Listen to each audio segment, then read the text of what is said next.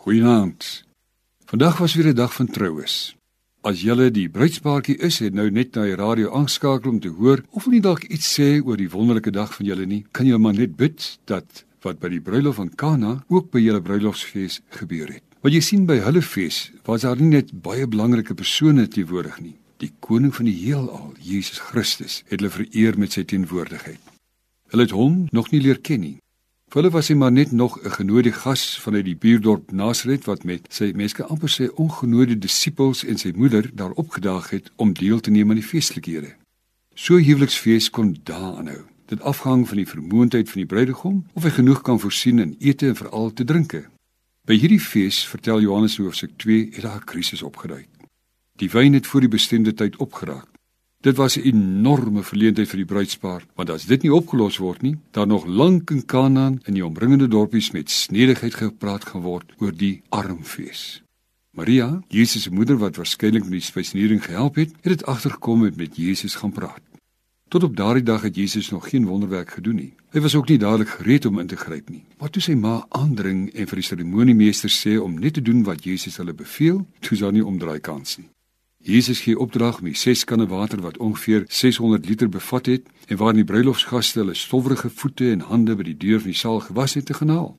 Hierdie water sê ook vir ons dat daar baie mense was. Van die wassery is die kanne leer en Jesus gee opdrag om dit heeltemal vol te maak. Jesus hou daarvan om oorvloedig te gee. En toe die kelner weer in die vate kyk, toe die troebelwater die kleur van wyn. Hulle skep daarvan uit en bring vir die hoofkelner.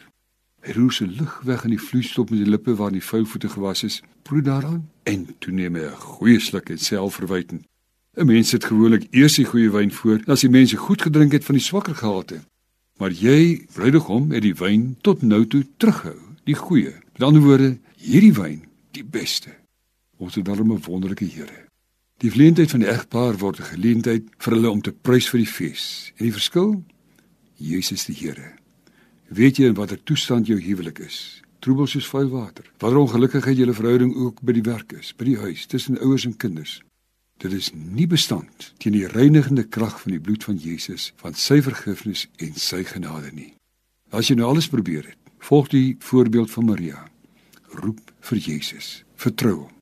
Hy maak jou lewe weer 'n fees, want as hy gee, gee hy die beste. Here, dankie dat dit nie maar net 'n verhaal is om vir ons te bemoedig nie sodat alles gaan eendag regkom nie. Maar dis 'n werklikheid.